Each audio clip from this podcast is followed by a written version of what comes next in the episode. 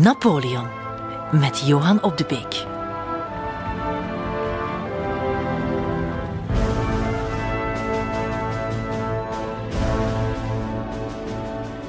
Het is mijn wens dat mijn stoffelijke resten aan de oevers van de Seine begraven worden, te midden van het Franse volk, dat ik zozeer heb bemind.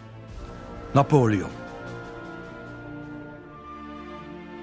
Ja, we zijn uh, bij de laatste aflevering aanbeland. En het, het, zal een aflevering worden waaruit blijkt dat ik altijd uh, gelijk eigenlijk heb als ik zeg dat dit de grootste figuur uit de geschiedenis is. Want na Waterloo, na die troonsafstand, na zijn politieke dood en uiteindelijk ook die zes jaar ellende die hij gaat beleven, zal Napoleon inderdaad sterven, maar, maar de onsterfelijkheid ingaan.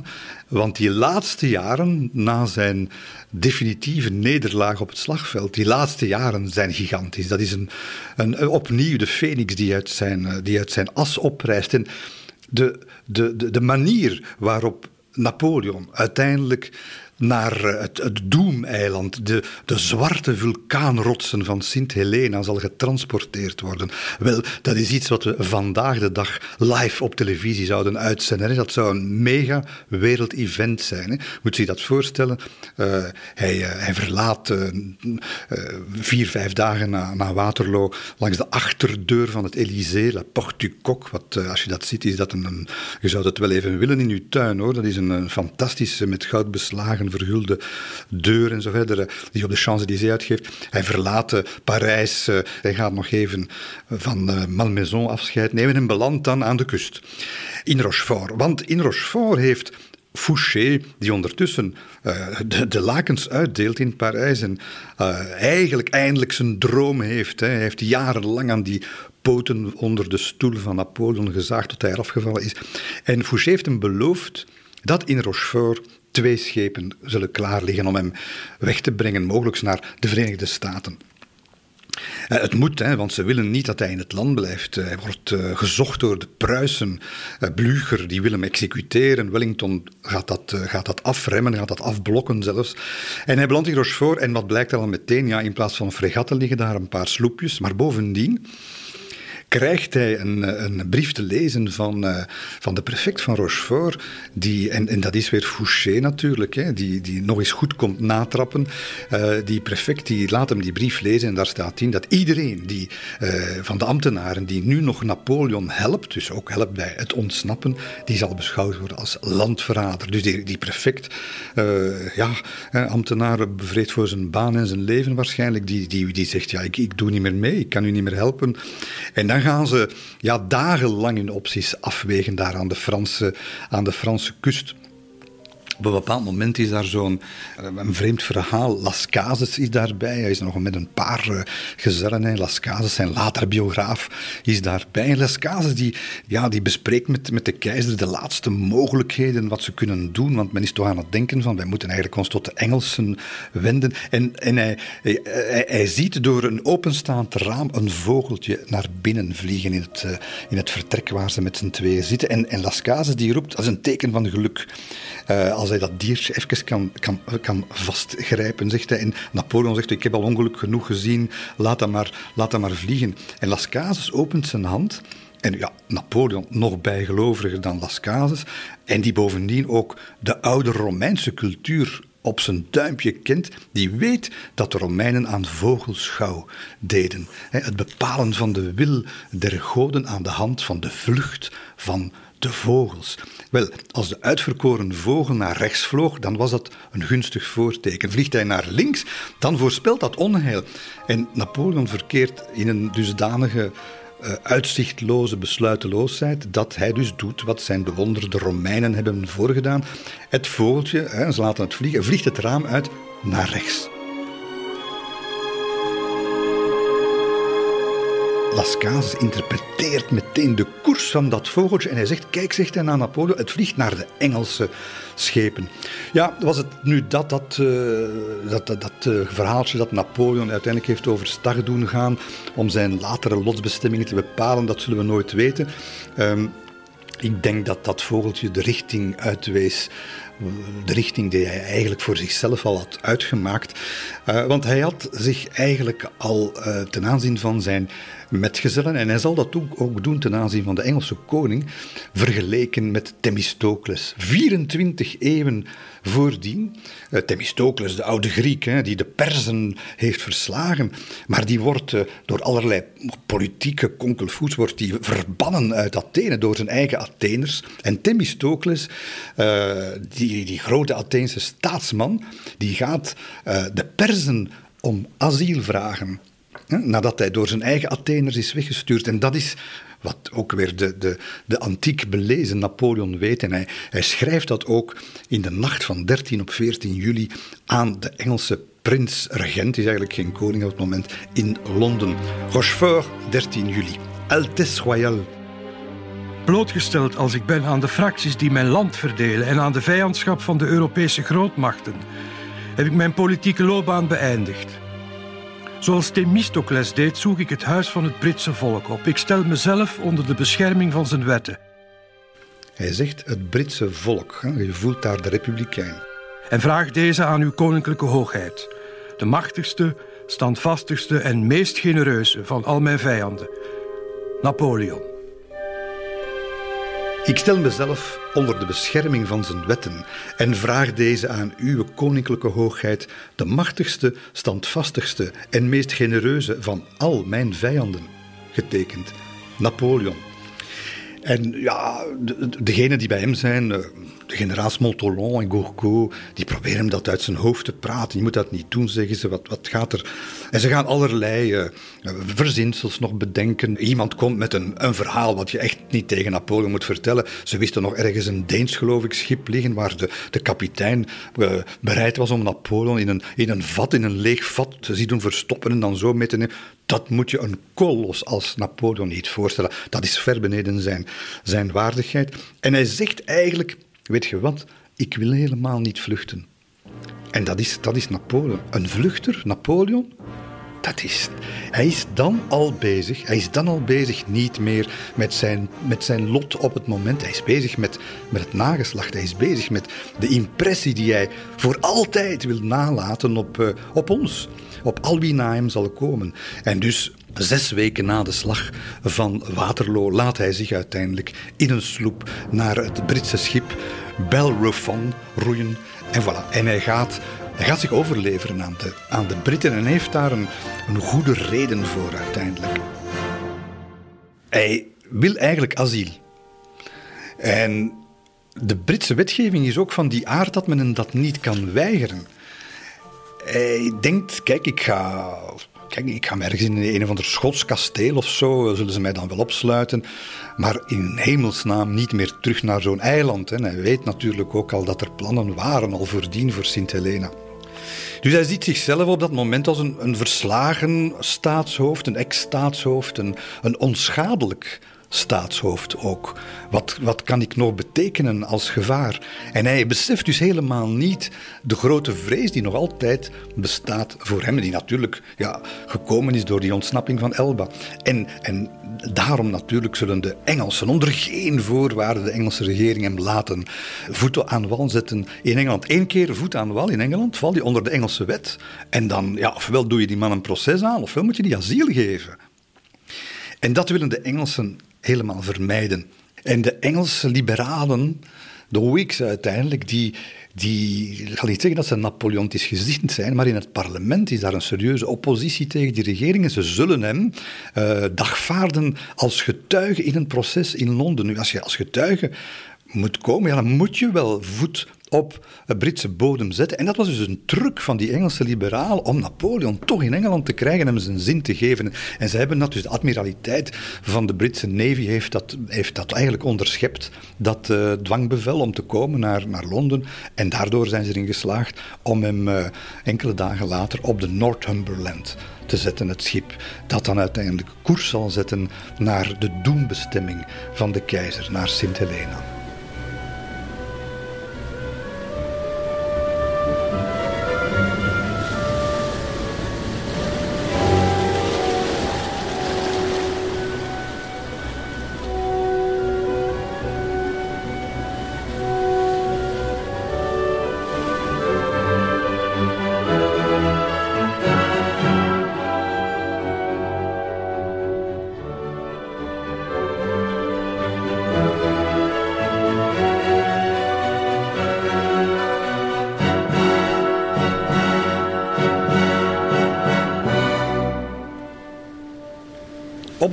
Bellerophon zit hij te wachten natuurlijk in spanning met, over wat er nu te gebeuren staat. En, en dat is dus, dat, dat zou vandaag een media-event zijn.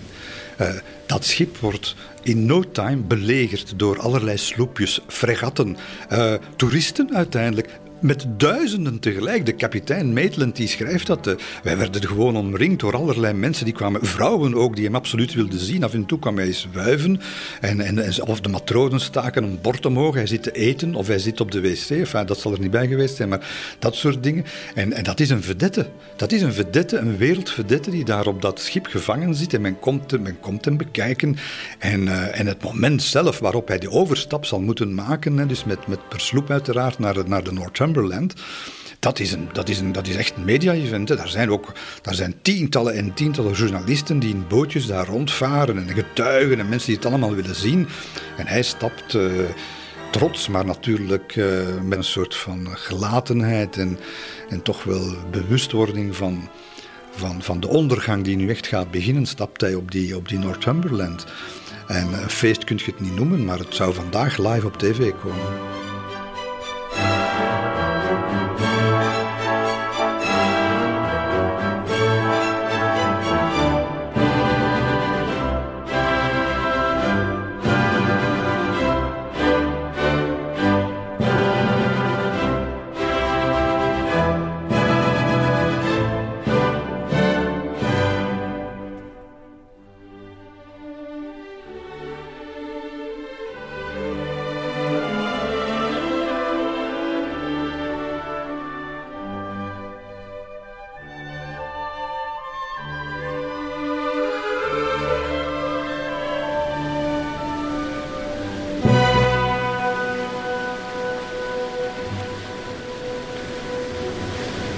15 oktober 1815, ze hebben 60 dagen en nachten gevaren vanuit Engeland, komen ze uiteindelijk ter bestemming. En Napoleon staat uh, met zijn mannen, het zijn er een twintigtal die meegegaan zijn op het dek en ze kijken.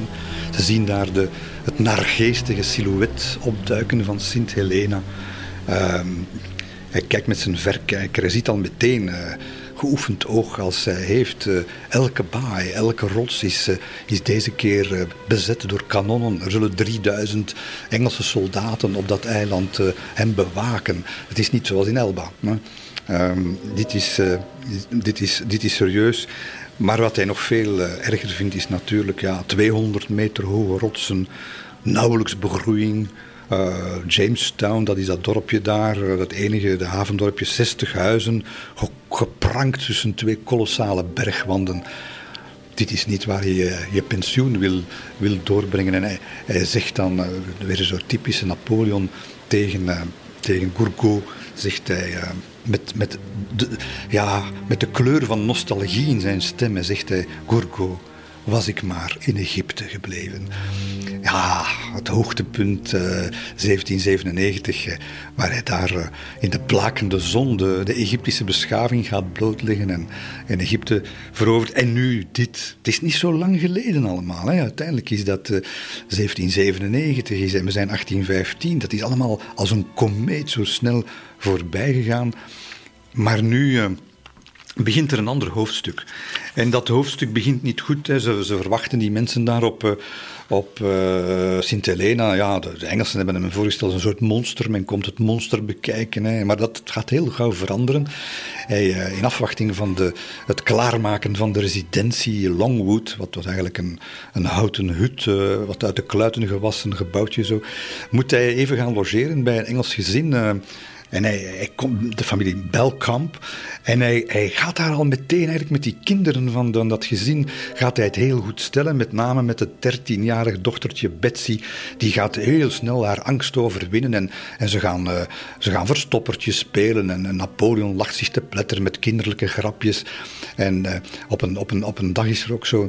Uh, Betsy heeft een, heeft een speelgoedtuigje gekregen via het schip uit Londen aangekomen. En dat, dat stelt Napoleon voor. En ze vindt dat, vindt dat leuk, want ze heeft een affectie voor, voor haar Franse vriend. En, en ze gaat dat tonen aan hem. En, en Napoleon, uh, dat, dat, is, is een poppetje. En, en die, die zet stapjes op een trap. En die trappen die hebben allemaal namen. He, dat begint met België, dan staat daar Italië, dan staat daar Oostenrijk, Rusland. Enfin, dus al die gebieden die hij, waar hij geweest is. En dat eindigt helemaal bovenaan op de laatste trap. En plotseling zit dat poppetje met zijn hoofd in een touw, valt van die trap en hangt aan een galg. En Betsy zit daar met te lachen tot ze in zijn ogen kijkt. Hij, hij kon met alles lachen wat Betsy deed, maar nu niet.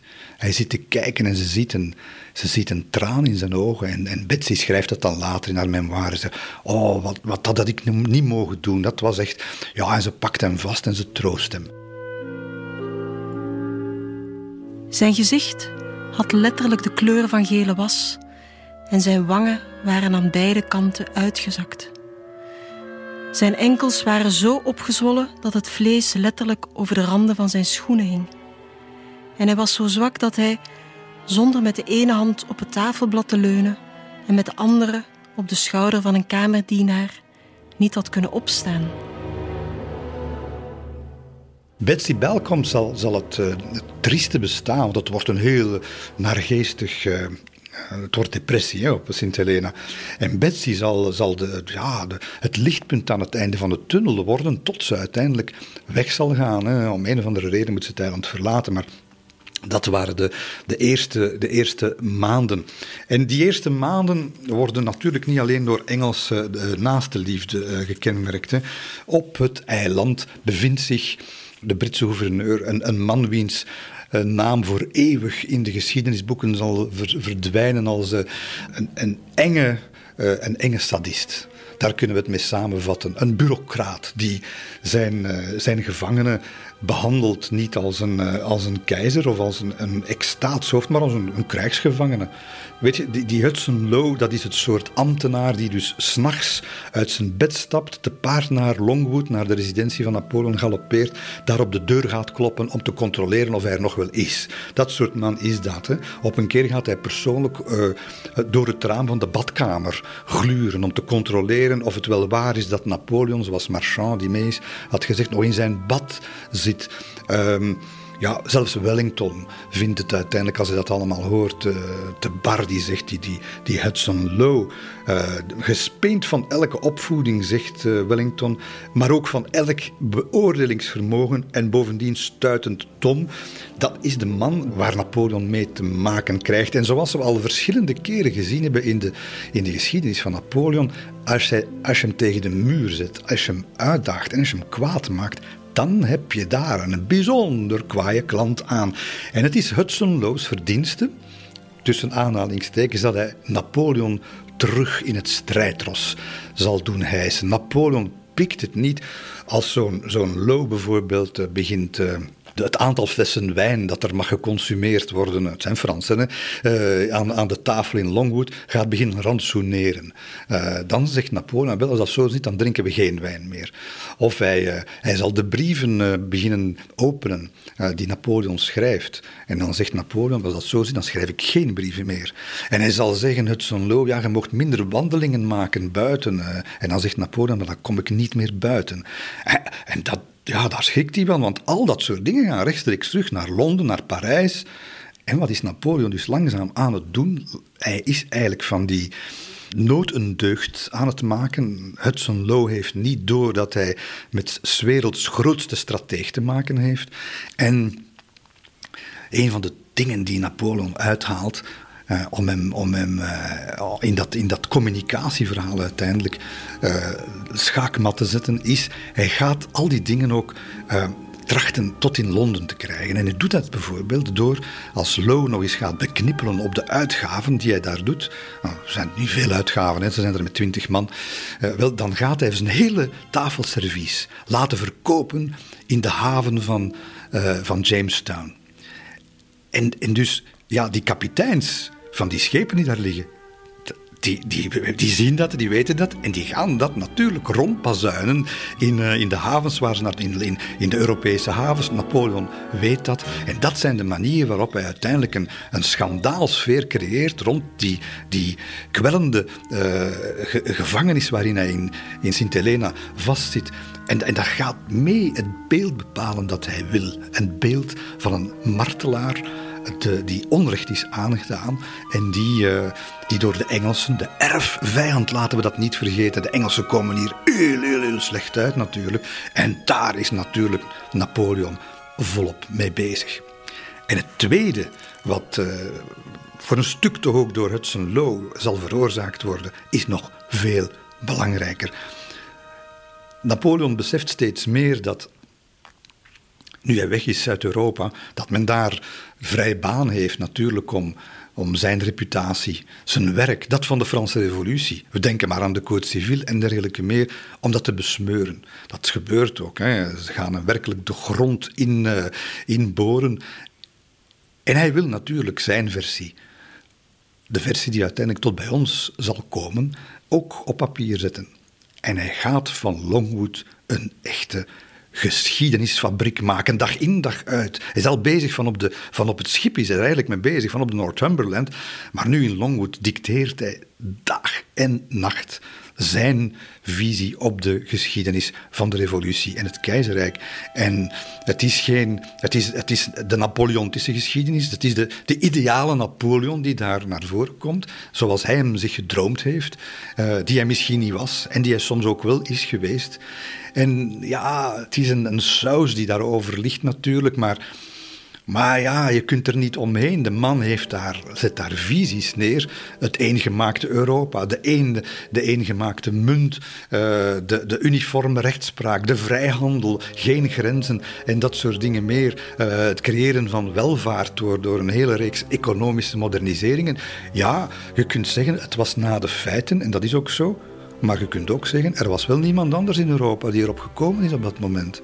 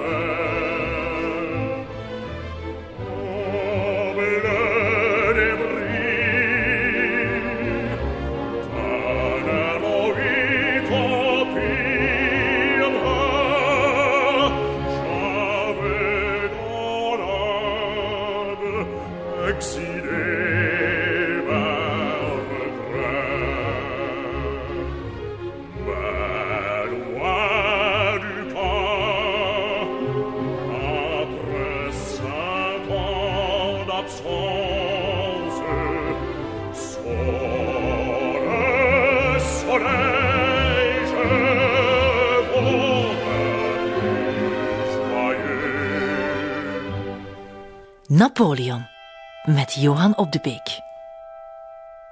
Tussendoor, tussen het, uh, het schrijven door en, en het, vechten, dus eigenlijk, hij heeft, geen, geen hij heeft wel twee generaals, maar hij geen soldaten. Hij heeft natuurlijk, het vechten is gedaan, maar het, de strijd om, uh, om de waarheid is volop bezig. En tussen de, de bedrijven door zie je hem steeds meer wegzinken in, in melancholie in, en in, diepe depressie uiteindelijk. Hè. Het is, we weten dat van, van Las Casas en van Gourgaud die erbij waren. De verveling daar op uh, Sint Helena was ondraaglijk.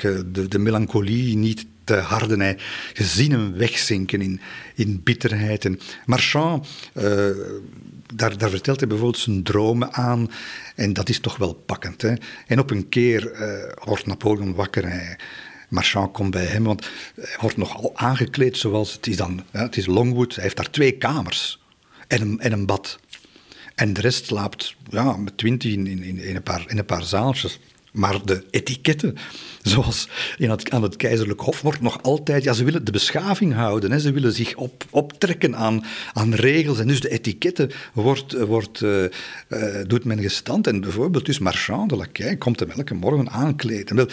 Marchand Hij ziet hem op een, op een, op een ochtend zitten en ja, je ziet het, het is nog erger dan de dag ervoor, zegt Marchand. En hij vertelt zijn droom. En hij droomt, hij heeft gedroomd over Marie-Louise. Ze was zo helder en echt, net zoals ik haar voor de eerste keer heb gezien in Compiègne. Ik nam haar in mijn armen. Maar ondanks al mijn krachten om haar bij te houden, voelde ik hoe ze van me wegleed. En toen ik haar probeerde vast te grijpen, was er plots niets meer. Alles was weg.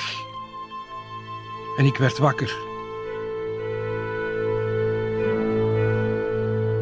Dit, dit grijpt Marchand zo aan dat hij, eh, dat hij, ja, hij gaat dat opschrijven, hij gaat dat, in de, hij gaat dat in, de, in de memoires natuurlijk opnemen. Maar dit is iets wat je daar dagelijks meemaakt. Och, het is dan mevrouw de Montolon die wat verstrooiing probeert te brengen door piano te spelen en te, te zingen. Iets wat ze naar verluid uh, slechts met wisselend succes deed. Hè. En komt eens een, een, schip uit China aan met, uh, met wat uh, specerijen. Dat is een formidabele gebeurtenis, dan moet hij alles daarover vernemen. of hij gaat op een rots zitten, naar de zee staren. Hij begint te tuinieren, maar het is één grote monotonie. En het enige wat, wat hem therapeutisch helpt, zijn die memoires. En hij, hij vecht voor, zijn, voor het nageslacht, voor zijn, voor zijn herinnering, maar hij vecht ook om, uh, om niet gek te worden. Montolon beschrijft dat ook uh, heel puntgaaf in zijn dagboek. Hè. Uh, het, werk, het werk was voor hem eigenlijk de enige levensbron die hij nog had. Zegt, hè. Het is een, de enige manier om nog een mens te, te blijven. Um, maar het is toch wel, ondanks een, fysieke aftakeling die jaar na jaar tussen 1815 en 1821 gaat toenemen, is dat toch wel een, een monumentale prestatie weer uiteindelijk hoor. Dat, dat schrijven van uh, Le Mémorial de Sainte-Hélène en dat dicteren van al die memoires. Um, het zal zeker vier jaar duren voor hij in het reinen komt met Waterloo. Waterloo, hij begrijpt het niet. En vele historische, hedendaagse historici met hem begrijpen het niet. Hoe is dat nu mogelijk? 99 keer op 100 wint hij daar. Nee, hij verliest. En hij begrijpt dat niet. Hij, eh, hij, heeft, is daar heel bitter over. En het is eigenlijk pas na drie, vier jaar dat, hij, ja, dat, dat uh, Las Casas, de biograaf, er het eerste flauwe mopje zo over kan noteren uit zijn mond. Dan begint het, de wonde begint dan een klein beetje te helen. Maar hij, gaat dan ook iets uh, dicteren aan Las Casas, dat, waar ik mijn boek over Waterloo ook mee beëindig. Omdat uh, als historicus, als, uh, ja, als iemand die van de geschiedenis oprecht houdt, moet je natuurlijk trachten zoveel mogelijk neutraal te blijven en de waarheid trachten naar boven te krijgen. Maar wat is die waarheid? Wel, het is toch wel weer Napoleon die, die mij daar iets over geleerd heeft. En wat zegt hij? De echte waarheden, mijn beste, zijn moeilijk te vinden in de geschiedenis. Er bestaan zoveel waarheden. Die historische waarheid waarop men zich zo graag beroept en die iedereen goed uitkomt, is niet meer dan een woord. Ze bestaat niet op het ogenblik van de gebeurtenissen, in de hitte van tegengestelde passies. En als men het er later toch over eens wordt, is dat omdat de belanghebbenden en de betrokkenen er niet meer zijn. Wat is dan die historische waarheid voor het merendeel van de tijd? Niets meer dan een afgesproken fabel, zoals ooit iemand zei. In al die zaken bestaan maar twee essentiële en zeer verschillende dingen: de materiële feiten enerzijds en de morele intenties anderzijds. De materiële feiten zouden eigenlijk niet tegenstrijdig moeten zijn. Welnu, ik daag u uit om twee verslaggevingen te vinden die hetzelfde vertellen. Soms lijken ze meer op eeuwigdurende processen. Wat de morele intenties betreft, hoe zullen we die kunnen terugvinden? Zelfs als we ervan uitgaan dat de geschiedschrijvers te goeder trouw zijn. Wat als ze kwade bedoelingen hebben? Wat als ze een belang te verdedigen hebben of als er passie in het spel is? Ik heb een bevel gegeven, maar wie zal later mijn gedachten kunnen lezen die achter dat bevel schuilgingen?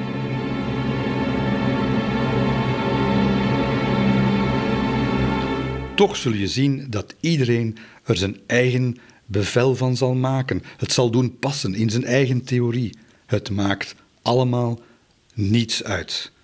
Dat zegt dus de man die zijn hele leven lang de antieken heeft gelezen, de filosofen van de verlichting heeft geconsulteerd en dichters heeft laten voordragen aan zijn tafel. En de biograaf Las Casas moet zich volgens mij echt wel...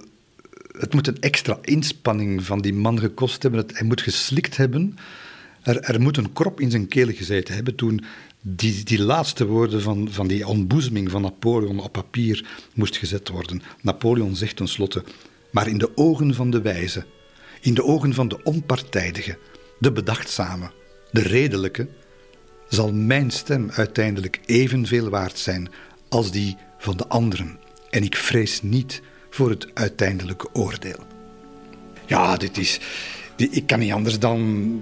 Ik, ben, ik word daar zo. Uh, ik verlies mijn neutraliteit een beetje daarmee, want dat is. Uh, dit is juist.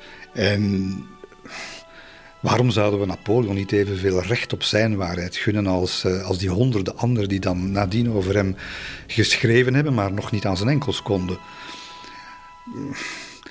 Ik, uh, ik vind dit ook uh, emotioneel belangrijk, omdat je, je voelt hier toch wel de mens Napoleon, hè, die, die ook wel weet dat hij stommiteiten heeft gedaan, maar die ook goed beseft dat hij een verschil heeft gemaakt in ons aller samenleving.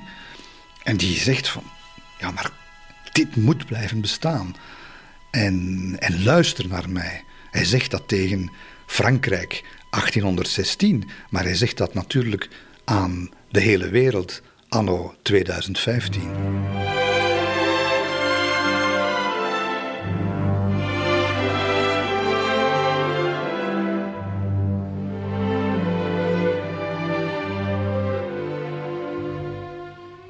Het wordt altijd maar erger, die, die melancholie. Uh, uh, vooral omdat uh, de, de, mensen die, die altijd die hem door dik en dun gesteund hebben, buiten degenen die nu mee zijn in Sint-Helena, die, die laten niks meer van zich horen. Op een dag, Marchand gaat hij snuffelen in zijn papieren op, zijn, op zijn bureau, terwijl Napoleon ergens in een tuin aan het werken is.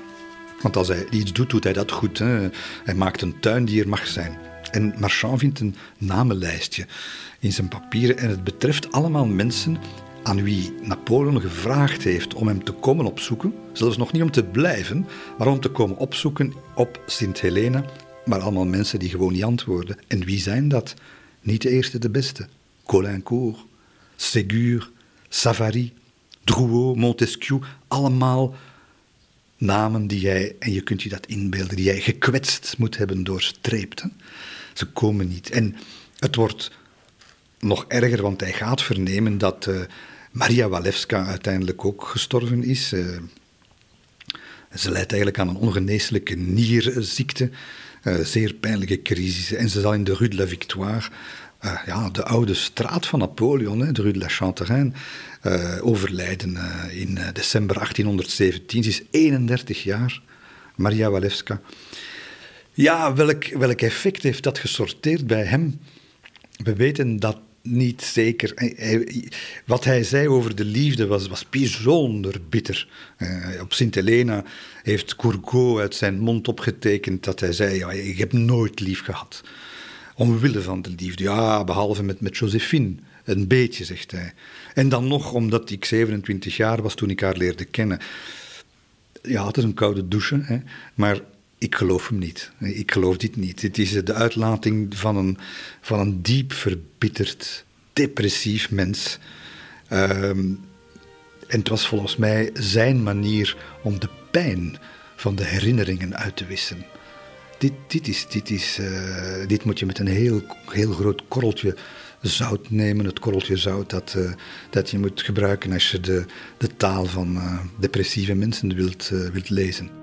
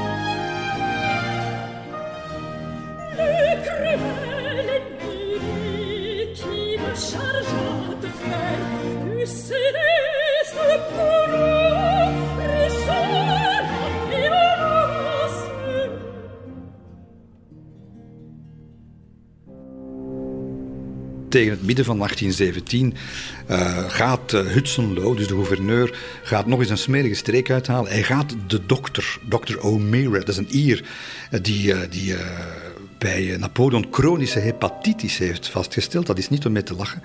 dat betekent dat je allerlei symptomen hebt, veel slapen natuurlijk, opgezwollen benen, te neergeslagen, maar dat is wel een heel serieuze ziekte. Wel, dat mag niet geconstateerd worden. En O'Meara zal worden weggestuurd door Hudson Lowe naar, eh, terug naar, naar Engeland. En dat betekent, uh, hij deed dat eigenlijk omdat hij voelde dat die O'Meara begon te sympathiseren met Napoleon. Zoals iedereen die Napoleon leerde kennen, begon te sympathiseren uh, met Napoleon. Dat betekent dat Napoleon zeven maanden lang 0,0 medische verzorging gaat krijgen. En dat, daar zie je hem heel snel achteruit gaan, 1817, 1818. En het is... Uh, als Betsy Belcom dan uiteindelijk ook, die ondertussen een jonge vrouw is geworden, uh, die, die, gaat, die gaat weg uiteindelijk ook een keer terug naar Londen. En dan zegt hij op een bepaald moment tegen Marchand, Marchand, weet je, nog heel eventjes, hè, en dan blijven alleen jij en ik hier nog over. Want ook Albin Montolon is vertrokken. Albin Montolon, dus de, de vrouw van generaal Montolon die bij hem is, ze gaan terug.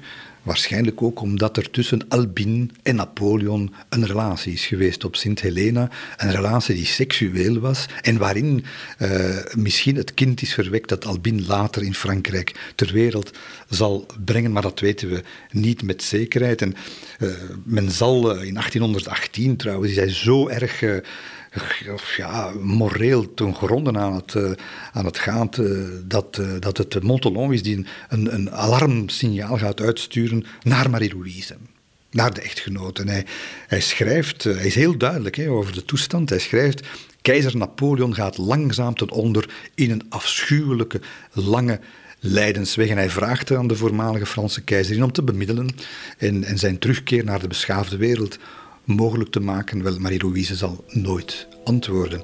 De lever begint hem steeds meer last te bezorgen. Uh, komt weer een nieuwe dokter, uh, een scheepsdokter van een schip dat in, uh, in de baai voor anker ligt.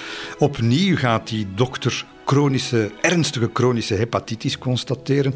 En opnieuw komt hem dat duur te staan. Hudson Lowe, van zodra hij dat hoort, ontsteekt in woede, sleept die man gewoon voor de krijgsraad en stuurt hem terug. Alarmistische geruchten is de, is de, is de, is de aanklacht. En opnieuw gaat Napoleon weer een half jaar zonder medische zorgen uh, door de Engelsen eigenlijk uh, gelaten worden. In augustus van 1819 uh, gaat hij eigenlijk door het lint. Hij sluit zich op in zijn kamer. En hij zegt: Niemand komt hier nog binnen behalve om mijn lijk te halen. Hij blijft dagenlang gewoon onzichtbaar. En oh, de buitenwereld kan hem alleen zo door de luikjes van, van die kamer wat observeren. Um, en, en, dat zal pas eigenlijk veranderen een, een, maand later, als er eindelijk vanuit Europa, vanuit de familie Bonaparte, dan toch eens iets gebeurt. Het heeft vier jaar geduurd, uh, vier jaar gevangenschap, voor uiteindelijk uh, de mama Letitia vanuit Europa een, een, een bondgezelschap naar Sint Helena stuurt. Hè. Daar bevinden zich twee tafelbedienden onder. De ene weet eigenlijk niet hoe hij een kop koffie moet klaarmaken en de andere is al na een paar maanden van puur miserie uit Sint Helena weer vertrokken, omdat hij het klimaat, bar klimaat, niet kon verdragen. En, en ook twee uh, geestelijke, een half seniele eh, bejaarde pater en een piepjonge Corsicaanse priester, maar die kan dan blijkbaar niet, uh, niet goed lezen en al helemaal niet goed schrijven. En dan tenslotte ook nog een dokter, en eigenlijk niet echt een dokter, maar wel iemand die een belangrijke rol gaat spelen. En dat is de fameuze dokter Antomarchi. Dat is eigenlijk geen geneesheer, dat is eigenlijk een docent anatomie aan de Universiteit van Firenze.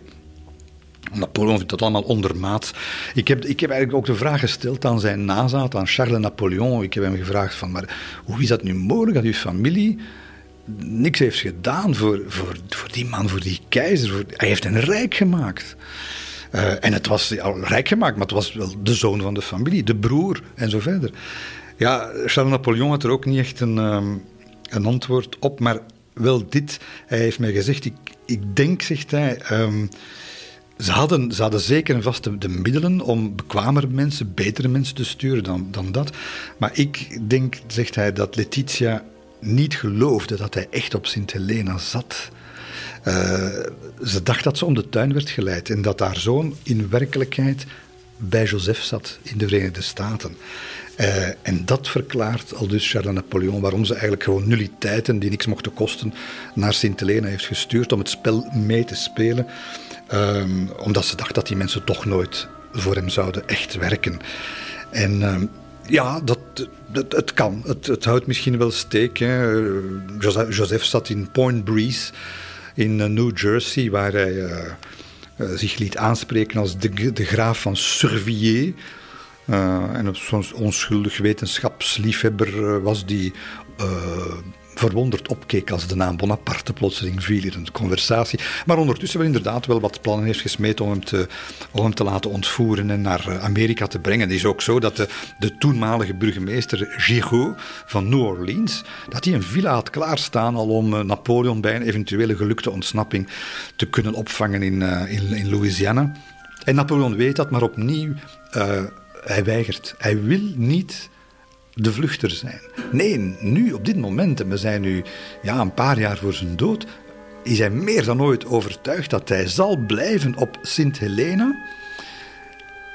Want daar ligt eigenlijk de kern van zijn verhaal nu natuurlijk ook. Hij wil de geschiedenis ingaan als de martelaar, als de gevangene van Sint Helena. Ehm, en als het symbool van, van het onrecht dat, dat de revolutie wordt aangedaan, dat de verlichting wordt aangedaan, dat de, hele, de hele modernisering van de maatschappij wordt aangedaan. En hij, hij zegt, ehm, als Jezus niet aan het kruis was gestorven, dan was hij geen God geworden. Ja, lees. Uh, het zou dom zijn om, om, hier, weg te, om hier weg te vluchten. Uh, het einde moet tragisch zijn. Alleen dan kan hij een legende worden. there.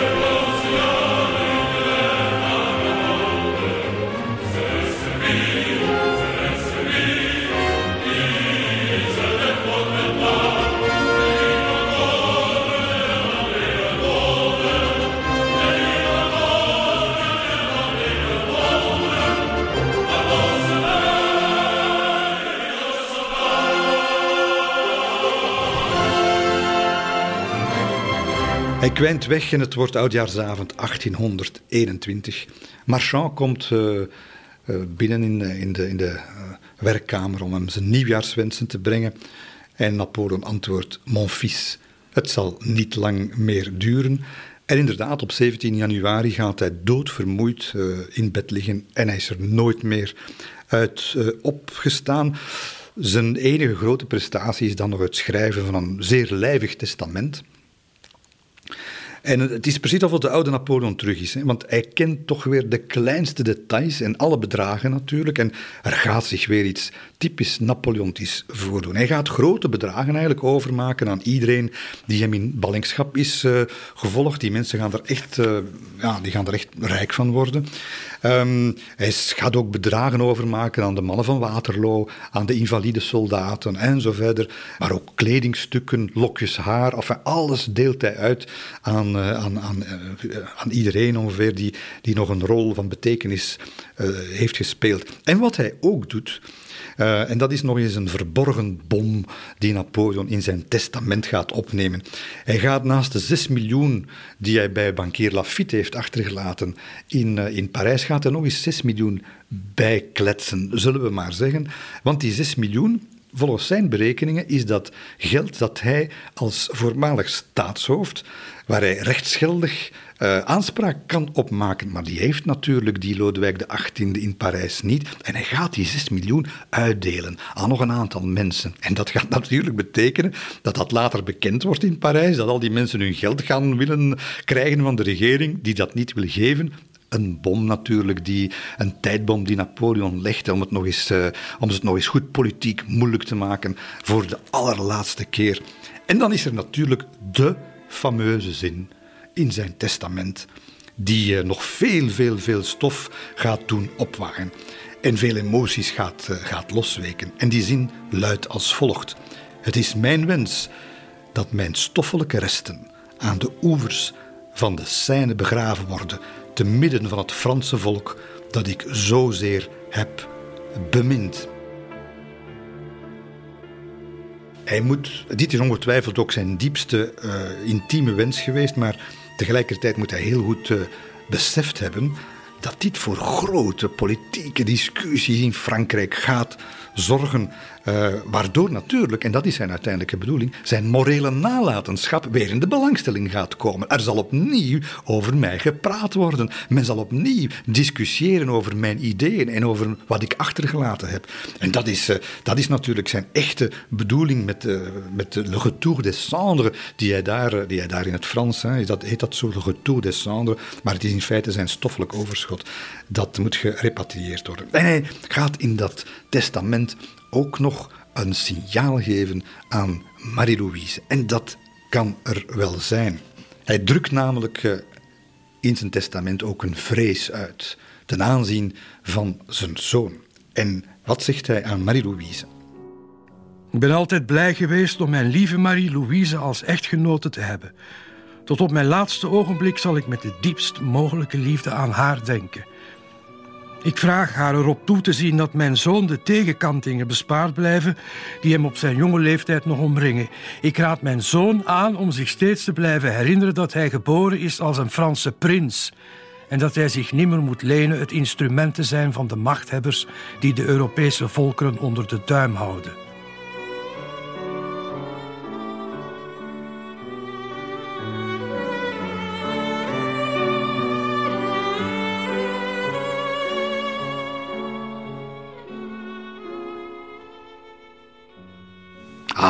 Je leest hier een Napoleon die natuurlijk vreest dat hij niet alleen fysiek gescheiden zal worden van zijn opvolger, maar dat hij moreel en filosofisch gescheiden zal worden van zijn opvolger. En, en dat, uh, ja, dat is voor hem alles. Dit is voor hem alles. En ja, het tragische natuurlijk is dat uh, de zoon dit nooit gelezen heeft testament zal uiteindelijk naar Frankrijk moeten gesmokkeld worden. Daar had hij natuurlijk ook weer gelijk in. Hij wist dat ze dat niet gingen eh, publiceren. Eh, de Britse regering gaat dat originele testament pas vrijgeven, hou je vast, in 1853.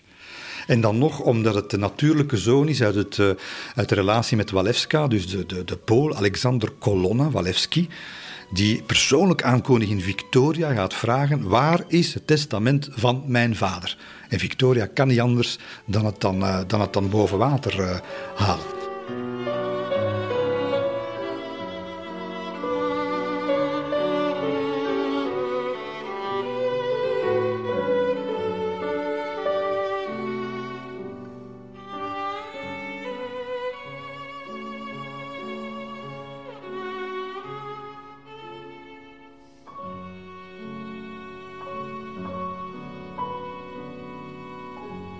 Het wordt 2 mei en het gaat plotseling uh, bergaf met uh, de keizer.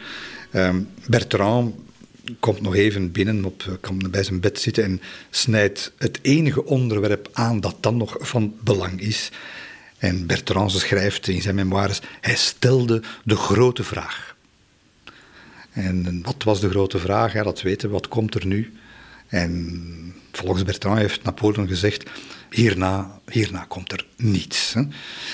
Zijn bed wordt uh, verplaatst naar het grote salon. Uh, voor zijn bed laat hij de buste plaatsen van zijn zoon. Hij gaat daar urenlang sprakeloos naar staren. Af en toe begint hij te eilen. Tweemaal vraagt hij zelfs: hoe heet mijn zoon nu weer? Dus je ziet, eh, de aftakeling is daar helemaal begonnen. Um, tussen haakjes het is een wonder dat daar een beeld stond van die zoon, want van de Engelsen mochten er geen afbeeldingen, nog van Josephine, nog van Marie-Louise, nog van zijn zoon, naar Sint Helena gebracht worden. Hoe ver kan je gaan in het straffen van je vijand? 3 mei uh, hij wordt heel slecht en uh, men dient hem een, een, zware dosis calomel toe. Ik ben geen dokter, maar naar het schijnt, ja, in die tijd was dat gebruikelijk, maar is het geen ongevaarlijk middel. En het is Anton Marchi die zich gaat verzetten, maar ja, de Engelsen zijn baas en ze geven het hem toch. Um, ja, dat wordt de directe oorzaak voor een uh, interne bloeding. Die gaat leiden tot, uh, tot het definitieve einde. En het wordt 4 mei. 4 mei en het, het kan weer niet Napoleon. Het is er binnen ligt de keizer te sterven, buiten woedt een storm. En er is een grote stormwind die plots opsteekt. En de treurwillig, waaronder Napoleon zes jaar lang heeft zitten mediteren, gaat tijdens die storm ontworteld worden en neerstorten. En een paar uur later, ja, wie in voortekens gelooft, ziet de betekenis. Een paar uur later, op 5 mei, eh, rond 7 uur, verliest hij het bewustzijn. Rond 8 uur komt hij terug even bij. Bertrand wist nog even een traan weg uh, die uit zijn linkeroog rolt. Al de metgezellen verzamelen zich rond het bed. Met 16 zijn ze nog. En dus op 5 mei 1821 om 17 uur 49 horen ze drie ademstoten. En toen was er niets meer.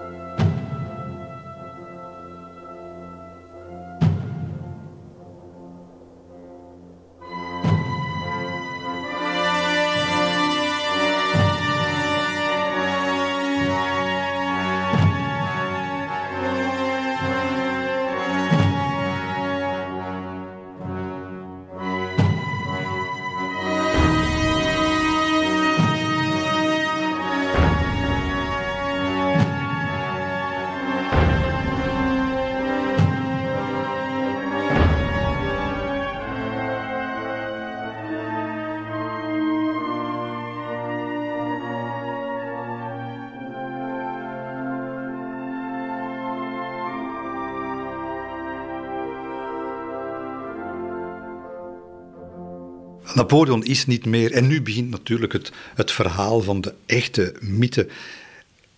We gaan van, van, het, van het ene raadsel in het andere belanden. En het begint al meteen de dag na het overlijden, 5 eh, mei overlijdt hij, 6 mei volgt de lijkschouwing. Dat is iets wat uh, Anton Marchi, ja, dat was de, de docent anatomie uit Firenze, gaat doen. Zeven aanwezigen, uh, onder wie de dokters, Engelse officieren en de mannen van Napoleon natuurlijk.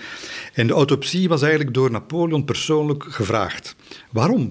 Wel, hij, hij wist natuurlijk dat zijn vader lang geleden was gestorven aan een, aan een heel ernstige maagkwaal, waarschijnlijk kanker, maar we weten dat niet zeker. En Napoleon, ja, die had heel veel last van zijn maag. En Napoleon wil weten, of wil beter gezegd, dat zijn zoon weet waaraan hij gestorven is. Want als hij aan dezelfde kwaal gestorven is als zijn vader, ja, dan kan zijn zoon misschien hè, uh, maatregelen nemen om, uh, om het leven uh, ja, beter te maken of, uh, of eraan te ontkomen, preventieve maatregelen. En inderdaad, het autopsieverslag van Anton Marquis, gewaagd van een maagzweer die de maagwand, en ik citeer, zo erg geperforeerd had dat men er zijn kleine vinger door kon steken. Er waren ook duidelijke sporen van maagkanker zichtbaar. Ja, dus dat was het? Nee, want achteraf zijn er boeken volgeschreven stromen inkt zijn gevloeid over de werkelijke doodsoorzaak. Tot in 2007. Mensen die voor het FBI eh, aan forensische expertises doen, die hebben zich daarmee gemoeid en dergelijke meer. Men vindt uh, op eh, de haren arsenicum. Er is nooit een afdoende uitleg voor gevonden. Sommigen zeggen dan, ja, hij heeft zichzelf heeft gelikt aan het behang, want daar zat arsenicum in om zichzelf eigenlijk te vergiftigen. Ik zie dat een man als Napoleon niet doen, eerlijk gezegd. Um, ja, is hij gestorven aan kanker? Welke? Is hij vergiftigd? En zo verder. Er is geen, ja, er is geen duidelijke, uh, alles uh, onomstotelijke uh, uitleg voor de dood van Napoleon. Veel verzinsels, veel beschuldigingen over en weer. we weten het niet. En dat heeft natuurlijk, als we het niet weten, ja, dan, dan heb je natuurlijk alle ruimte om tot, in, ja, tot het einde der dagen te speculeren. En dat wordt dus ook gedaan over de dood van Napoleon.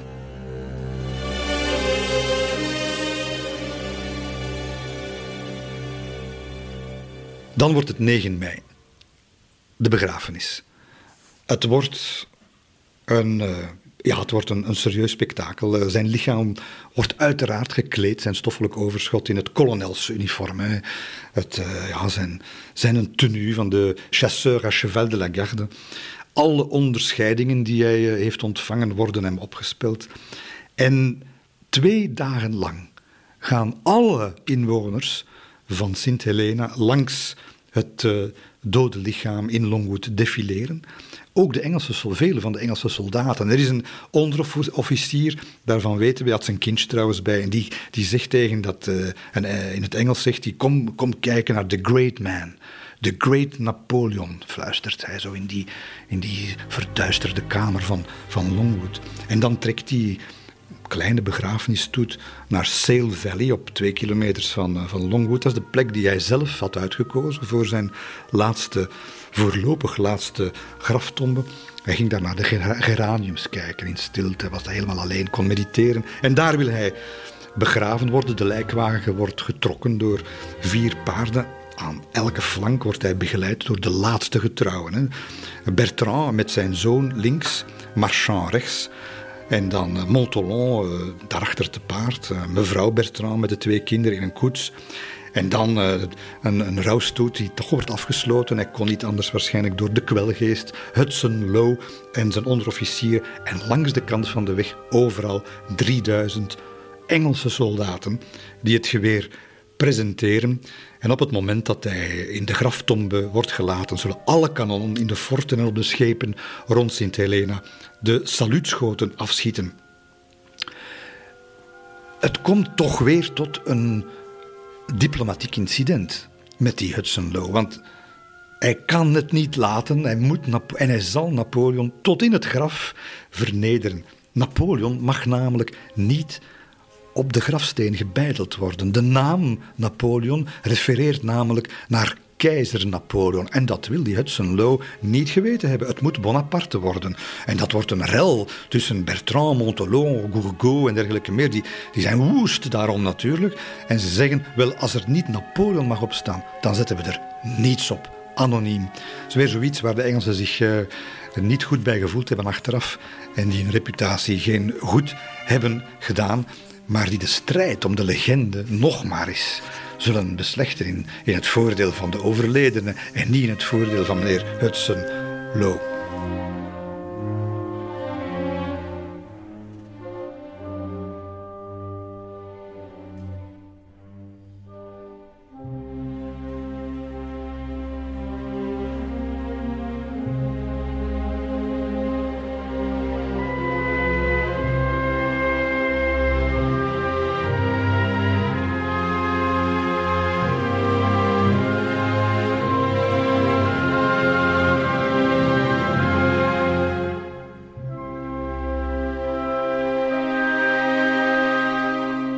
Europa wordt dat uh, overlijden natuurlijk pas uh, ja, 60 dagen later bekend. Hm? Als het eerste schip aankomt. Alle beeldenissen van, de, van Napoleon worden verboden in Frankrijk. Tenzij men hem afbeeldt als een angsthaas die de troepen in de steek laat. En zelfs catalogische beeldspraak wordt niet gemeden. Hè. Diarree hè, als tegengestelde van persoonlijke moed. Uh, dus men, men gaat hem als een, als een dik, laf mannetje voorstellen dat eigenlijk de verdiende schop tegen het achterwerk krijgt. Ja, men maakt hem verantwoordelijk voor alles wat er is misgegaan en voor de zware herstelbetaling en economische crisis waar Frankrijk nu in zit. Dus hij wordt vereenzelvigd met, het, met de dood, met, met de ondergang, met het kwade, met de duivel. Um, ja, dat wordt geslikt door een deel van de opinie, maar niet door iedereen natuurlijk. Uh, met name door een toch belangrijk deel van politieke Bonapartisten, de Republikeinen en natuurlijk de soldaten. Hè. Er zijn prenten bekend waarin zo oud-soldaten in een burgerplunje een schilderij aan de muur hebben hangen. Ze draaien dat om. Dat is een schilderij van een of ander onschuldig uh, landschapstafereeltje. Ze draaien dat om en daar staat hij op de achterkant het portret van hun geliefde keizer. En hij blijft natuurlijk leven. Hij, hij doorstaat uiteindelijk toch wel die, die periode van, van bijna twintig jaar uh, eigenlijk uh, verguizing uh, door, door het Engelse en door de Franse regering zelf. maar het begint, het begint te keren. Um, men, men ziet dat ook de politieke denken in Frankrijk begint serieus te keren. We zijn nu rond de periode van de Belgische Revolutie, 1830. En in Frankrijk heeft in juli 18, 1830 een, heel belangrijke nieuwe revolutie plaatsgehad, de Juli-revolutie die eh, niet zoals de echte eerste revolutie uh, alles verandert, maar toch weer terug de republiek in beeld brengt. Men kan dat nog net tegenhouden door uh, Louis-Philippe koning te maken, maar dat is een, eigenlijk toch een grondwettelijke monarchie. Dus niet meer een echte monarchie. En Louis-Philippe staat onder zware druk. Onder zware druk om ja, eigenlijk toch weer de zaken in een juist perspectief te zetten, met name Napoleon in een juist perspectief te zetten. En wie gaat dat vernemen als een van de belangrijkste protagonisten? Wel, het is Madame Mère die uh, ergens ligt uh, ja, uh, haar laatste jaren te beleven in Palazzo Falconieri in Rome. En plotseling krijgt ze daar bezoek van de van een van de zonen, Jérôme, uh, ooit koning van Westfalen en nu uh, resident in ballingschap in Trieste. En, ze ligt eigenlijk te slapen en Jérôme uh, durft haar niet goed wakker maken en hij, fluistert in haar oor. hij zegt... zegt iets dat Madame Mère ondertussen dik in de tachtig zal doen opveren als een jonge hinde. Hij zegt: Het standbeeld van de keizer zal opnieuw worden opgericht op de Colonne Vendôme. Hij zal eens nieuw op de Colonne Vendôme staan, moeder. En, en ze wordt ogenblikken later omringd door de andere kinderen die in de palazzo aanwezig zijn. En ze zien uh, tranen uit haar holle ogen lopen. En ze, ze zegt met krakende stem: Il est de retour. en dus inderdaad, op 28 juli 1833, massale belangstelling gaat uh, een nieuw standbeeld van Napoleon op die, die, die uh, is 44 meter hoog, op de Place Vendôme, worden gehesen. Uh, het, het, is, het is trouwens niet het, het beeld dat er vandaag staat. Het, het beeld dat toen gezet werd, is eigenlijk het beeld dat we nu op de Cour d'honneur van Les Invalides kunnen zien staan. Er is dat verschillende keren van, van plaats veranderd. Napoleon III heeft dat dan later inderdaad veranderd en zo verder. Pour la petite histoire. Maar wat er ook gebeurt, en het wordt altijd maar natuurlijk uh, drukker rond Napoleon, tussen 1830 en 1840 zie je de ene campagne na de andere in de pers, in de democratische, republikeinse pers verschijnen. We moeten doen wat hij gevraagd heeft. Hij moet terug. De stoffelijke resten van Napoleon moeten terug naar Gebracht worden. Ja, dat is een droom voor velen. Weinigen geloven erin. Tot 12 mei 1840. En dan gebeurt er iets bijzonders. Er is daar een debatje aan de gang in de, in de Kamer van Volksvertegenwoordigers over, over de suikerprijs, geloof ik was het. Ze liggen in slaap. Tot plotseling de minister van Binnenlandse Zaken, onaangekondigd, het stond niet op de agenda, op het sprekersstoel te verschijnen. En tussen haakjes, dat is niemand minder dan Charles de Remusat. Dus de, de, de, echtgenoot van Claire de Remusat, die we in de vorige aflevering al verschillende keren aan het woord gehoord hebben. Een ooggetuige, een intimus van Napoleon. Minister van Binnenlandse Zaken nu, opperkamerheer geweest van Napoleon. En die komt daar plotseling het woord nemen en het wordt muisstil. Monsieur, zegt hij, met een, met een stem die iedereen laat voelen dat er een heel gewichtige boodschap op komst is. Monsieur, de koning heeft besloten om de prins de Joinville met een fregat naar het eiland Sint Helena te varen om er de stoffelijke resten van keizer Napoleon op te halen. Wel, ooggetuigen raken er niet over uitgeschreven, hè, over de, de reactie in de zaal. Dat was een bom. Hè. Eerst zitten ze daar stom van verbazing. En dan barst daar een ovatie uit die de luchters doen trillen. Hè. Ze, politici over de partijgrenzen heen, ze omhelzen, ze vallen elkaar in de armen. Het, ze gaan later ruzie maken over de kosten van de, de hele onderneming. Maar dit is ongekend. Dit is een moment van triomf. Triomf natuurlijk in de eerste plaats voor, voor de koning, Louis-Philippe, die een directe afstammeling is van het ancien regime, uh, geen goed beleid voert en die dringend behoefte heeft aan volkssteun, aan republikeinse steun. En die natuurlijk een symbool nodig heeft. En dat is de echte reden waarom Napoleon door zijn zoon, want die prins de Joinville is zijn zoon, uh, uit uh, Sint-Helena moet gerecupereerd worden. Hij moet, hij moet, het, is een, het is een politieke show die gaat opgevoerd worden. Hij heeft behoefte aan Napoleon als, als symbool van een sterk land, als symbool van de idealen van een revolutie, waar die Louis-Philippe natuurlijk niet in gelooft, maar doet alsof En als symbool van militaire macht die Frankrijk al lang niet meer heeft, maar die hij ook wil voorwenden. En dat is uiteindelijk de reden waarom aan het hoofd van een kleine delegatie, waaronder alle mannen die ooit op Sint Helena hebben gezeten met, met Napoleon, uiteindelijk met een schip zullen vertrekken 19 jaar na het overlijden.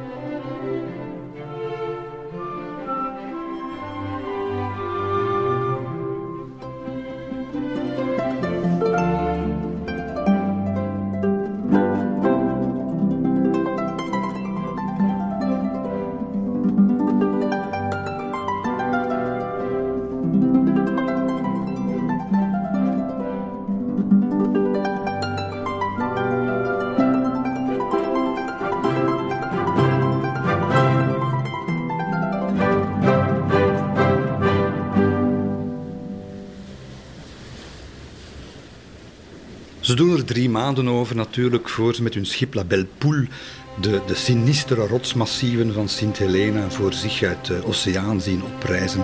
En uh, op 9 oktober wordt, uh, wordt een eerste bezoek gebracht aan de, aan de graftombe. De Franse kroonprins, hè, Joinville, die neemt zijn hoed af. Hè. Grootste stilte natuurlijk. Met die mannen, wie is daarbij? Uh, ja, uh, Marchand is daarbij, uh, Gourgaud, de meest jaloerse van allemaal. Hè. Napoleon zei over hem, dat is een vrouw. Als ik met iemand anders praat, is Gourgaud jaloers daar op Sint Helena. Het was een kleine biotoop.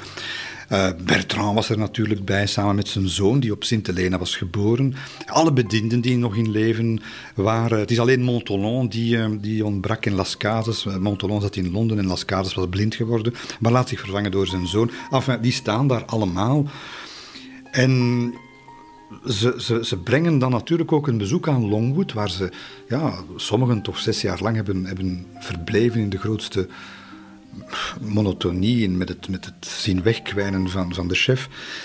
En ze zijn woedend als ze constateren dat dat, dat gebouw, dat nu eigenlijk heilig is, dat is, dat, dat, die, de vloerplanken zijn verrot, er staat geen glas meer in de ramen. Uh, de, de grote salon waar Napoleon zijn laatste, hè, zijn laatste adem heeft uitgeblazen, plafond is weggehaald om plaats te maken voor een molen. Enfin, dus die gouverneur, dat is ondertussen een nieuwe gouverneur, Middleton, die staat daar uh, met de ogen beschaamd naar de grond, uh, want hij kon het natuurlijk ook niet helpen. gelukkig kon hij het op Hudson Low allemaal afwentelen wat daar met dat gebouw was gebeurd. Maar dat, uh, dat ze maken weer eens geen goede beurt. En dan komt het moment. Hè. Op 14 oktober uh, gaan ze met een paar werklieden uh, naar het graf om de kist op te halen. De temperatuur is flink gedaald, het regent en het wordt, ja, het wordt een, een soort thriller. Klokslag middernacht beginnen ze aan de werkzaamheden. En dat is niet niks, want Hudson Lowe had in der tijd, in, in 21 uh, aan, aan, Engelse metselaars een, de opdracht gegeven om boven de kist, uh, boven het graf, nog een groot bouwwerk te metsen. Uh, ook na zijn dood moesten zijn gevangenen aan het eiland gekluisterd blijven, blijkbaar. En dat, dat werk zal zo lang duren dat het tot negen uur s ochtends zal duren voor ze uiteindelijk aan de kist geraken. En dat is niet één kist, maar dat zijn er drie. 1200 kilogram zwaar moet dat naar boven gehesen worden, onder een tentzeil gelegd. En dan, dan gaat het gebeuren. Hè. Uh, er is een kist van lood, dan is er een kist van mahoniehout en tenslotte een kist van blank metaal. En die kist wordt langzaam en met grote zorgvuldigheid opengemaakt. En wat zal er nu te zien zijn? Dat is de vraag die ze zich allemaal stellen. Het was de keizer zelf die voor ons lag, nauwelijks aangetast. Zijn gelaatstrekken nog perfect herkenbaar. Zijn handen nog altijd mooi. Alleen zijn neus was bijna verdwenen. Zelfs het kolonelsuniform zag er nog netjes uit. Tussen de benen zagen ze de twee urnen staan... waarin het hart en de maag van Napoleon waren geplaatst na de lijkschouwing. Voilà, zo wordt die scène, die, die historische scène, waar maar een paar, een handjevol mensen bij is, beschreven door de zoon van Las Casas. Uh, ja, bij wie dat ongetwijfeld echt, uh, zoals bij die anderen daar, uh, zeer hevige emoties moet hebben losgemaakt. Hè. En ze laten die kist niet langer dan drie minuten open. Dat mag niet, omdat ja, met die temperaturen en zo verder ontbinding kan kan snel optreden, maar het is toch wel merkwaardig wat ze daarin gezien hebben. En ehm, dan wordt de kist op een kanon gehesen en er wordt een paarse fluwelen lijkwade opgelegd die de Fransen hadden meegebracht, uh, versierd met gouden bijen, het persoonlijke symbool van de keizer. En uh, voilà, voorafgegaan wordt een heel andere vertoning dan toen hij begraven werd in, in 21. Nu is het, ja, het is een staatshoofd dat nu van Sint Helena wordt weggevoerd. Uh, het is een, muziekkapel van, van het 91ste Engelse linieregiment, geloof ik, dat een treurmars speelt. Naast de kist Marchand, Bertrand, Gourgaud, Las Cases Junior. Ze houden allemaal een tip van dat kleed vast. De gouverneur, een hele compagnie soldaten. En zo trekt die karavaan naar de haven. En daar staat de prins, de kroonprins van Frankrijk, op de kade te wachten in gala-uniform. En de soldaten uh, hebben de grootste moeite om de inwoners van Jamestown, want dat is een heel ander verhaal nu geworden, in bedwang te houden. Iedereen wil dat meemaken, dat moment. Uh, de, de, masten en de boegsprieten van, van de schepen die daar in de haven liggen, de rouwkleuren wapperen daaraan. En voilà, de kanonnen eh, beginnen eh, saluutschoten af te schieten. De Franse fregatten natuurlijk. Maar ook de Engelse forten beantwoorden die. En dan met een speciale uitgeruste sloepen met zo'n soort hijskraan op wordt, het, eh, wordt de kist naar La Belle Poule gevaren. En wel, het is, het is merkwaardig, maar het is 15 oktober, half zeven s'avonds. Op dat moment gaat ze aan boord op officieel terug Frans terrein. Wel nu, het is op de dag af, 25 jaar geleden, dat Napoleon op Sint Helena was aangekomen.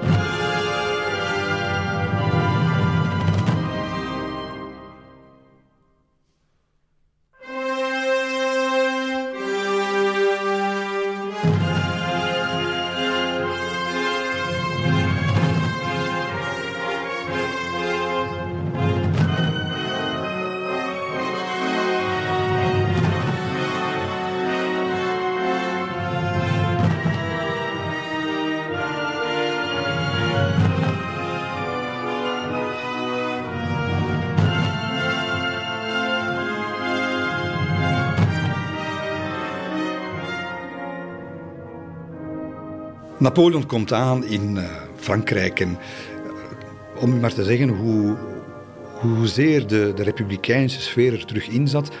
Het is eigenlijk uh, zijn bloedeigen neef Louis Napoleon Bonaparte, zoon van Louis Bonaparte en Hortense die uh, later Napoleon III zal worden, wel, die gaat daar toch wel op dat moment een, soort staatsgreep willen plegen om de republiek terug uit te roepen. Mislukt.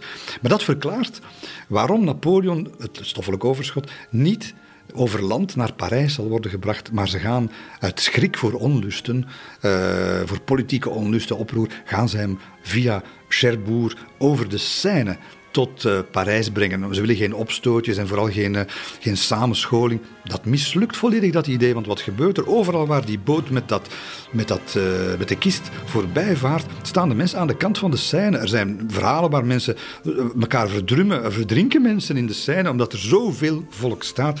Maar dat is helemaal niets vergeleken met wat zich gaat afspelen op 15 december in Parijs. Want daar is een monumentale staatsbegrafenis gepland.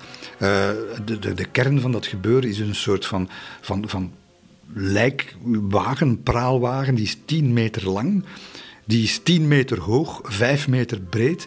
En, en daarop staat die kist met dat, met dat paarse kleed en zo verder, die door de stad zal worden gevoerd. En dat wordt een ongelooflijk moment. Het leger heeft uh, alle soldaten op de been gebracht. Uh, de Nationale Garde hebben ze rond de invalides geplaatst om te, te, te, te beletten dat het gewone volk in de, in de buurt van Napoleon zou komen. Want te veel emoties, zoals ze weten, in Parijs kan leiden tot verstrekkende kettingreacties. En dat wil het regime vermijden. En het is Victor Hugo die dat, uh, die dat als ooggetuige meemaakt en die dat schandalig vindt. En Victor Hugo die zegt daar het volgende over. De regering geeft de indruk bevreesd te zijn voor de geest die ze zelf heeft opgeroepen.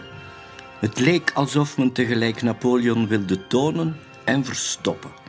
Alles wat te groots of te ontroerend zou zijn geweest, heeft men verstopt.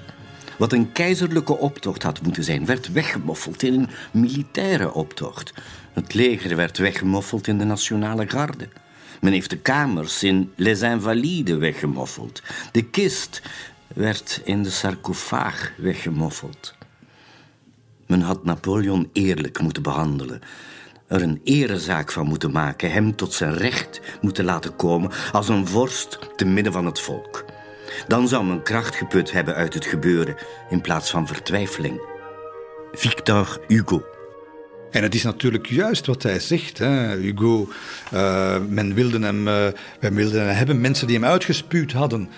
Eh, de vertegenwoordigers van het ancien regime tijdens zijn leven gebruiken hem nu, misbruiken hem nu om, om zich politiek in te dekken, om zich geloofwaardig te maken ten aanzien van het volk.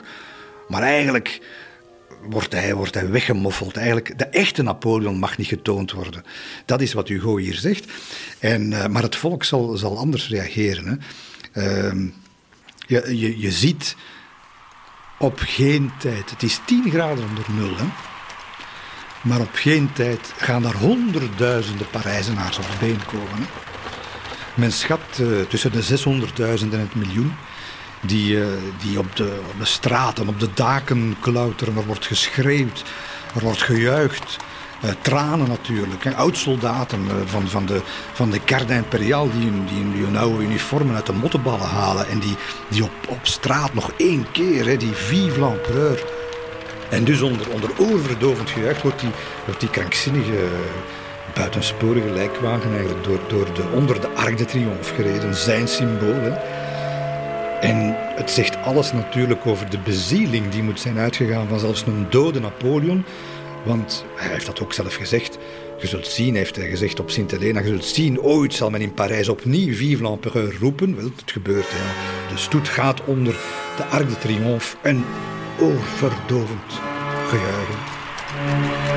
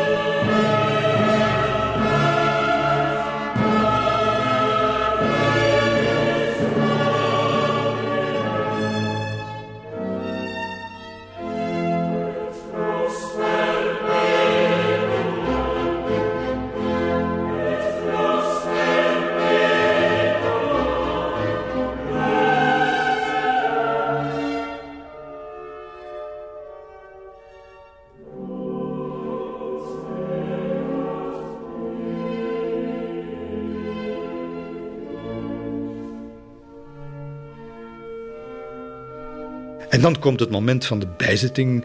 Uh, de kist wordt Les Invalides ingedragen. En zoals dat hoort, wordt het requiem van Mozart gespeeld. Um, we weten nooit uh, met zekerheid of hij een vrijmetselaar is geweest, uh, Napoleon. de, de, grote mannen rond hem zeker en vast, de meeste wel. hij had banden zeker en vast met de vrijmetselarij. Um, maar waarschijnlijk zat hij er niet in, maar we weten het niet. We weten het niet zeker. Wat we wel zeker is dat, uh, dat Mozart de man is of de componist is geweest die gespeeld werd toen hij in Les Invalides binnenkwam onder het onder het oog van, van, van de hele wereld. De koning, de hele koninklijke familie, alle politieke hoogwaardigheidsbekleders, de ambassadeurs, noem maar op. Onder de, die verheven koepel van de Dom wordt hij daar opgewacht door mensen die ja, die hem bij leven waarschijnlijk niet eens een hand hadden willen geven, maar nu uh, hem als uh, dode kunnen gebruiken, hè, als propagandamiddel. Kist wordt dan nog niet neergezet in de put waar ze nu staat. Uh, die wordt dan veel later eigenlijk pas gebouwd, maar wordt bijgezet in een van die nissen die je nu nog altijd kunt, kunt zien. En ja, je moet je dat voorstellen, die, die scène, daar staan, daar staan duizenden mensen in die, in die invalides. Uh, vooraan natuurlijk de, de hoogwaardigheidsbekleders, uh, de politici en dergelijke, maar achteraan staan de gewone mensen die binnen mochten tenminste, en dat zijn de gardesoldaten. En de, de koning beseft dat zeer goed, dat er moet een gebaar gesteld worden, anders heeft dit geen zin. En hij zal dat gebaar vragen aan grootmaarschalk Bertrand, de man die de ontsnapping uit Elba heeft georganiseerd, die erbij is gebleven op Sint Helena. En hij zegt tegen, dus de koning zegt tegen uh, Napoleons laatste maarschalk, Maréchal Bertrand, ik gelast u om de degen van de keizer op de kist te leggen. Oeh, maar dit is Bertrand te machtig. Bertrand is, is zo ontroerd.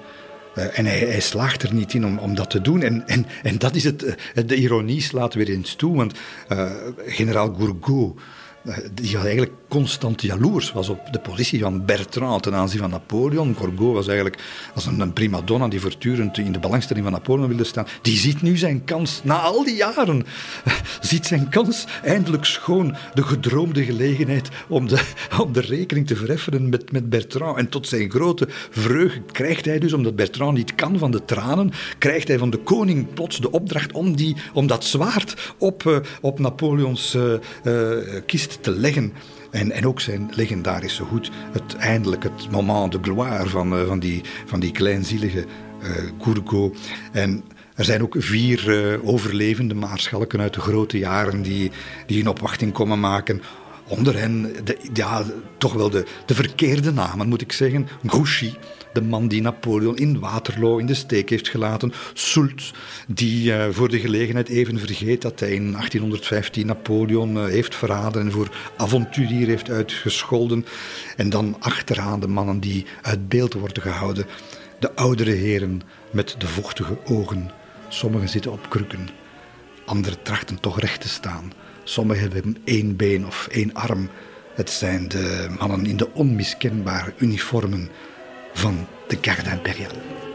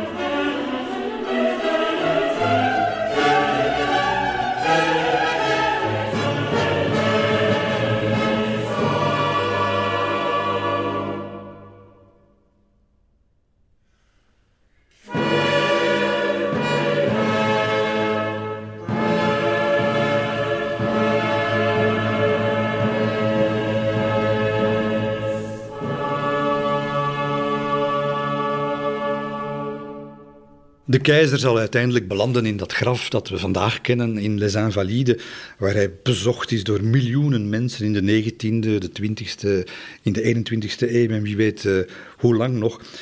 Maar voor, voor mij persoonlijk vond de echte apotheose toch nog plaats. Net voordien, net voordat hij in dat laatste graf belandde. En het is een vergeten moment uit de hele geschiedenis, maar, maar wel heel straf. En dat is eigenlijk in augustus 1855. Uh, Queen Victoria, de, de, grote koningin Victoria, steekt het kanaal over en bezoekt Parijs. Ze komt daar eigenlijk op uitnodiging van Napoleon III de, de rechtstreekse politieke en familiale erfgenaam van Napoleon, uh, die ondertussen het Tweede Keizerrijk heeft opgericht. En, en, dat is een historisch bezoek, het is al dan 15, 20 geleden dat nog een Britse vorst voet heeft gezet op uh, Franse bodem.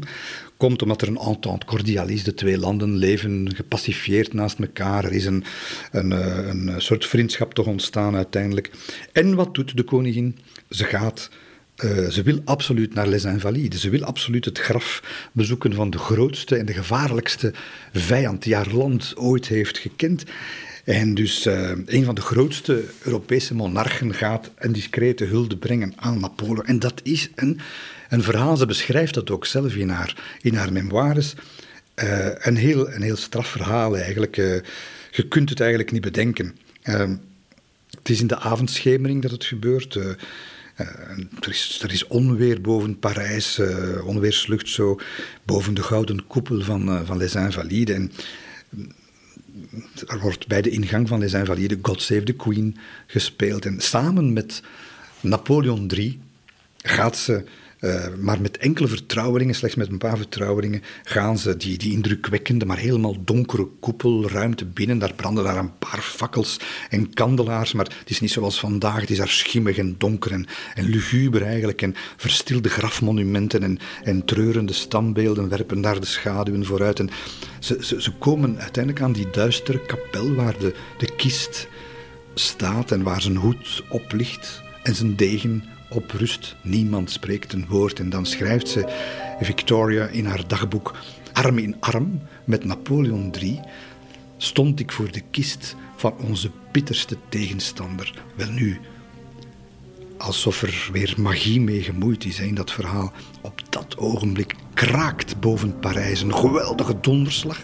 Een bliksemschicht jaagt wit licht door de dom en ze ziet de gouden N aan het voeteinde van de kist even oplichten.